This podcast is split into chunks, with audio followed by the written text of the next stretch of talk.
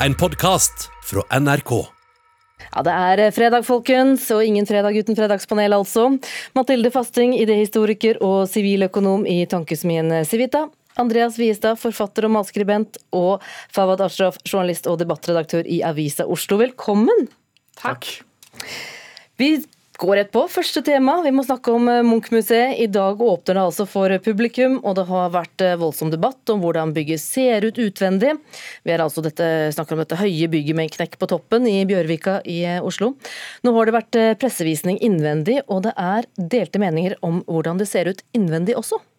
Jeg syns jo det er utrolig sjelløst. Og så er det liksom, ser ut som du går inn i et uh, hvilket som helst kjøpesenter. Altså Det er virkelig et sted uten noen form for ornamentikk eller uh, pompøse detaljer.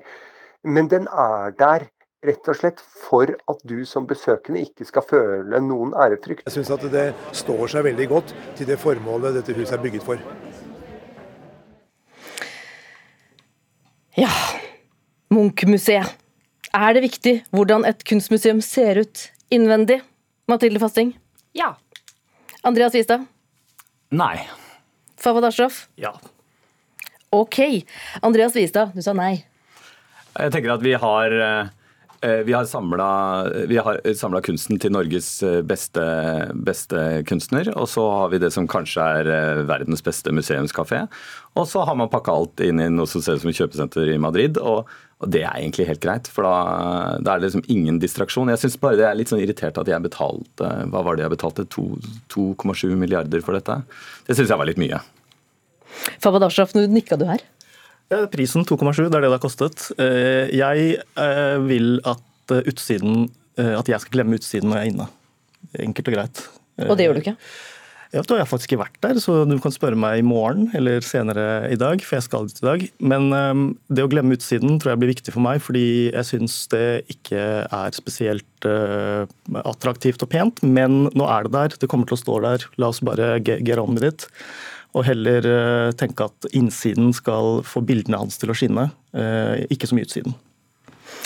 Mathilde Fasting, det er jo viktig hvordan det ser ut innvendig pga. hvordan kunsten presenteres. Altså hvordan du opplever kunsten når du er der. Altså, bare tenk på det gamle Munch-museet. Eh, små rom og eh, korridorer og ikke sånn er, altså, Og utvendig er jo heller ikke det gamle Munch-museet akkurat så veldig mye å skryte av, men, eh, men innvendig så bør jo rommene i et museum rett og slett vise kunsten på en god måte. Du har jo masse bygg rundt omkring i verden som ser både kule ut og stygge ut og alt mulig på utsiden, men uh, hvor noen av dem fungerer kjempebra på innsiden fordi det er uh, veldig bra for kunsten som henger der, og andre ikke gjør det. Men hvorfor er det ikke nok at bildene som henger der har fått den behandlingen som de trenger, da? Altså med hensyn til lys, oppheng Det er en hel opplevelse å se kunst, sånn at uh, det er jo kjempeviktig både med lyset og med hvordan de henger, hvordan det presenteres og hvordan du opplever det å være inni der, og det er det tror jeg mange som har, i hvert fall av de som allerede har vært der, i og med at det åpner i dag, og jeg også skal dit i morgen og ikke har sett det innvendig, så kan jeg jo ikke svare for det den kritikken som har kommet, men det er veldig mange som også sier at det er kjempefint. Andreas? Det, ja, det er merkelig. Liksom, hvis du ser på Guggenheim i Bilbao, det ser flott ut utenfra, kjedelig inni, men det gjør ikke noe for kunsten. Guggenheim i New York ser flott ut uh, utenfra, flott ut inni, og er ikke egnet til å vise kunst. Så kanskje det er sånn at uh, Men det hadde jo ikke trengt å være så, så, så, så, så stygt utenpå, selvfølgelig. men, men innvendig, da?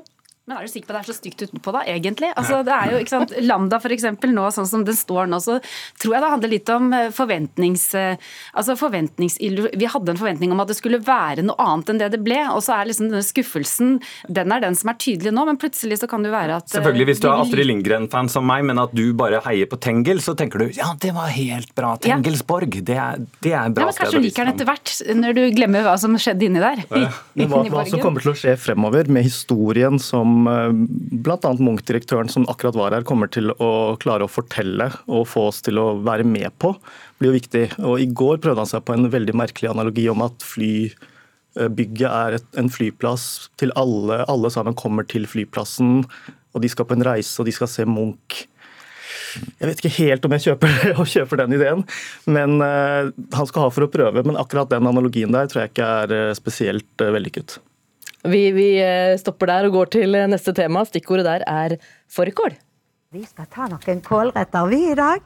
Og her eh, holder jeg på å skjære opp kål til Norges nasjonalrett, iallfall én av de, fårikålen. I denne oppskrifta som vi har på fårikål, skal det være godt med kål, altså dobbelt så mye kål som kjøtt. Ja, Det du hørte der, det var altså Ingrid Espelid Håvig fra 1980. Sorry, Norge, fårikål er en fornærmelse mot norsk mat. Fawad Ashraf, det er eh, dine ord i Avisa Oslo forrige uke. Jeg går dermed ut ifra at du vil svare ja på neste spørsmål, så jeg begynner med de andre. Er fårikål en fornærmelse mot uh, norsk mat? Ja. Nei. Ok. Eh, Fawad, du mener eh, fårikål må bli jazza opp og modernisert. Ja, jeg syns ikke den retten eh, fortjener tittelen nasjonalrett, fordi det er så mye annen norsk mat som er bedre, ser penere ut, er ikke grå, ser ikke uinspirert ut og er mer appetittlig. Og lite visste jeg da jeg skrev dette at jeg startet en kulturkrig. Det, er noen, eh, det, er jo en del år siden man hadde en sånn onkel Tore som satt på fest og klagde over at det lukta rart i oppgangen eh, der hvor det bodde pakistanere, og sa at karri eh, det er bare en sånn grisete rett som bare smaker sterkt og du får ikke noe ut av den. Og når han sa det, så så man litt bort og tenkte han er fordomsfull og litt ignorant. Men det vil alltid være en Onkel Tore, så velkommen til Onkel Tore-klubben, eh, Fawad. Fordi eh, hvis du da eh, eh, Hvis du har smakt en, en vassen og kjip fårikål, så tror du at den er kjip. Og, og, eh, men hvis du har smakt en ekte fårikål, så er det en praktfull eh, ting. Så det, det, blir litt sånn som at nettopp det er Onkel Tore bare våget seg på karri en gang hvor han var riktig full, på helt feil sted, og så tror han at alle karri smaker sånn. Mathilde Fasting, du er ikke en del av, nei, altså, av Onkel Tore-klubben? Nei, ikke det. Altså, det er sikkert preget av at jeg ikke liker fårikål selv. Altså, det er derfor jeg sier ja når jeg syns det er en fornærmelse mot mat, norsk mat. Jeg var eh, en gang for mange år siden på Hardangervidda og tok en ekstra tur for å komme fram til en, et sånn sluttsted på turen. Så hadde gått liksom nesten fem mil på ski. Kommer inn der, og hva er det du får sent på kvelden da? Pluss at du får, må ligge og sove på der hvor det var dansegulv, så du fikk ikke lagt deg til å sove heller, selv om du var kjempetrøtt. Men det var fårikål! Og jeg var så sulten og så lei meg for at det var fårikål at jeg satt og nesten fikk jo ikke bare spist potetene, tror jeg. Fårikål er vanskelig å sove på, det vil jeg innrømme. Ja, altså, du, du, sover altså, dårlig etter fårikål. Men det er mye annen norsk mat som, eh, av denne typen som lukter Altså pinnekjøtt lukter når du har laget pinnekjøtt også. Vidunderlig. Mm. Ja. Ja, det syns du er vidunderlig, men ikke fårikålen. Nei, jeg syns ikke det. Det er stor forskjell på de to tingene. Men eh, altså en, en god fårikål. Mm. Fortell. En god fårikål er bl.a. laget på uh, fårekjøtt. og Det er jo en av de problemene i dag at man selger lammekjøtt. Og så får du liksom litt blassere smak. Det er ikke sånn at en, for, en for, ekte fårikål på får lukter mindre eller den type ting, men den har den derre dybden. Uh, hvis du prøver å lage den og ikke det er, det er, sånn med en del tradisjonsmat at det er superenkelt, men du må ha alle innsatsfaktorene riktig. og Bl.a. det at, at den eh, skal lages med kjøtt som smaker ordentlig. Jeg vet ikke Fawad om du har fått en litt dårlig fårikål eh, som da har utløst eh, denne kulturkrigen? Det skal jeg ikke svare på. Jeg er redd, redd den som serverte den, hører på. Det er flere agendaer samtidig. Vet du hva, Det kan godt hende, det kan godt hende men jeg så fast ved mitt at den ville sett eh, bedre ut og smakt bedre hvis den hadde fått noen nye ingredienser i seg. Det mener jeg virkelig. Ja, hvilke da? Altså, jeg foreslår jo chili, jeg foreslår hvitløk. Jeg foreslår eh, altså, Det mest radikale forslaget mitt som folk har hengt seg opp i, er jo en tomatisering av fårikål. Den tror jeg ikke nødvendigvis mest på. Jeg er ute etter at den retten kan få mer tekstur, ulike på en måte eh, grader. Altså at, at, du biter i noe, og noe bare smuldrer opp. Men det og finnes, den har den ikke. Ja, men det fins eh, eh, norske karriretter. ikke sant? Eh, onkel, men hvorfor snakker du om karri til meg? Jo, men, eh, jo, men, det er jo nettopp fordi at fordi bak, eh, bakgrunnen er at, at man Eh, i, i, forhold til eh, matkulturer som man ikke bryr seg nok om. Man, eh, jeg synes det er, ganske fortellende at, at, du skriver den artikkelen, som er ganske morsom, og, og jeg liker at, at man Jeg syns det er bra at man diskuterer, men basert på at du i realiteten har smakt retten én gang. Mathilde Fasting, ville noen av disse ingrediensene ha gjort det noe for deg? Jeg vet ikke, men jeg har snakket med en italiener som eh, begynte å jazze opp noe annen mat. og Da følte jeg at eh, ok, kanskje jeg skal begynne å like det, hvis vi gjør det sånn som han hadde tenkt at vi skulle gjøre det. Så kanskje jeg er mer glad i italiensk mat enn norsk mat. Jeg vet ikke. Mm. Det får bli siste ord her. Vi går til tredje og siste tema. Vi har nemlig fått en ny justisminister. Emilie Enger Mehl fra Senterpartiet, og hun har deltatt i to realityserier. Det er realityserien Anno på NRK i 2015, og der skulle hun leve i år 1764. Vi skal høre henne her fra et intervju med NRKs Sletten og Martin i 2017. Jeg syns det var fint å være litt uten mobiltelefon og uten sosiale medier. det må Jeg si. Jeg er litt sånn gammeldags akkurat der, selv om jeg ikke er så gammel.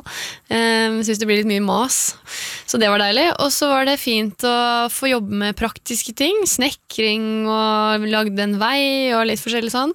Jeg lagde alle maten vår på bål, det var koselig, og selv om det var litt strevsomt. Og så var det noe med det å være litt nøktern, som jeg syns det, det er viktig å ha med seg i 2017 nå, da. Ja, Emilie Enger Mehl vant altså anno, og nå på nyåret så får vi se henne i Kompani Lauritzen på TV 2. Om hun vinner der også, det er for tidlig å si. Men spørsmålet er er det greit at eh, justisministre deltar i reality-programmer? Nei. Nei. Ja. Ok. Ja. Du får begynne. Hvorfor det? Jeg har prøvd å finne lett lenge eh, og tenkt hva er det som er problematisk med dette tilfellet. Eh, serien er spilt inn. Eh, hun visste ikke at hun skulle bli justisminister i det øyeblikket. Eh, nå driver TV 2 og klipper serien. Det var de som spurte om hun skulle være med. Jeg syns ikke det gjør å se en justisminister eller en politiker i en sånn rolle når vi har en fortid med politikere som har syklet rundt på trehjulssykkel i disse lokalene her på den store klassefesten. Så I'm good. Jeg tenkte litt mer prinsipielt. Jeg tenkte at ok, Hun har svart ja på det og vært med på det før hun ble justisminister. og Da tror jeg at politikere og alle, om de gjør dette eller eh, er med på andre reality-ting både før og etter de er i forskjellige verv, på, så er det helt greit. Men akkurat når de er ministre eller har den typen jobber, hvis de da skulle bli spurt om det mens hun nå, hvis hun skulle bli spurt om det nå, for å si det sånn, som det var det jeg tenkte på, da mener jeg at da har hun en rolle hvor det kan kanskje være greit å vente litt med reality til hun er ferdig som justisminister. Pluss at hun har sannsynligvis sannsynligvis utrolig mye å gjøre, så hvordan skulle hun få tid til å være med på et reality-program? Det blir kanskje ikke så lett å legge vekk eh, mobiltelefonen nå, Andreas Wiestad, du sa også nei? Ja, men Hun kan jo ikke gjøre det som justisminister, og det tror jeg egentlig alle er, alle er enige om. Eh, for Hvis ikke så blir det liksom helt sånn eh, Berlusconi-bonanza. Men det er jo Eh, og hun er sikkert kjempeflink. Det som liksom, man kan spørre om, er hvis det begynner å bli en kvalifikasjon, nesten. Ja, da er du så kjent fordi at du har vært på eh, et eller annet uh, søppel-TV, eller, eller, bedre, liksom, at du har vist deg fram på den måten. Så er det liksom problematisk for styresettet. Men det er ikke noen grunn til å tro at det er derfor hun er valgt ut. Men, men, men hun kommer jo kanskje nærmere folk, da?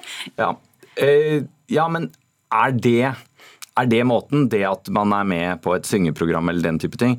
Det er jo veldig sånn Eh, det er jo ikke en kvalifikasjon til å styre landet, og det er i ferd med å bli det. Det kan være litt eh, skummelt, syns jeg. Men hvor går grensa, da? Hva kan man være med på?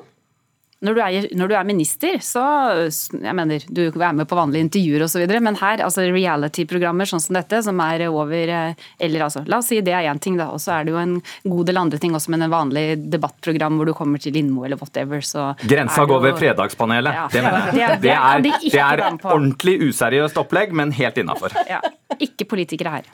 Men dette programmet skal jo sendes på nyåret, og eh, hvem vet hvilken eh, jobbhverdag eh, justisministeren har da? Hvordan den personen på TV og den personen på jobb kommer til å kanskje noen ganger komme i konflikt med hverandre. Det er jeg nesten sikker på at kommer til å skje. Ja, og Hva gjør det med troverdigheten hennes? Nei, Det vet vi jo ikke før vi har sett det, men jeg er tilbøyelig til å tenke at altså, Poenget mitt er at Kompani Lauritzen er ikke et liksom, reality-program som alle andre. Hotel. Nei, det er ikke Paradise Hotel, så det er et viktig poeng. da. Det er ikke sånn Paradise Hotel. Hun, hun, skriver jo hun har lyst til å leve nøkternt. Grunnen til at hun vil være med på dette, er fordi hun uh, vil uh, vise militæret mer uh, støtte. Høres veldig um, Hva heter det for noe? Um, diktatorisk ut, men altså, det var det hun sa. Ja. Hun har jo også allerede sagt at hun ikke skal ha altså pengene som hun eh, skulle få, det skulle hun, hun skulle være veldig nøye på alle de tingene rundt det praktiske også. Det skjønner jeg jo når hun har den rollen hun har fått nå. Men det er klart, vi vet jo ikke hva hun sier og gjør i denne si, rollen eller i denne reality-serien, så vi får se. Mm. Men grensa Andreas Wiestad, den går fortsatt på fredags, fredagspanelet? Ja. Mm. Uansett. Ja, ja. ja. Takk skal dere ha, Mathilde Fasting, Andreas Wiestad og Fawad Ashraf, for at dere deltok i dette fredagspanelfesten her hos oss i Nyhetsmorgen i dag. Takk. Takk.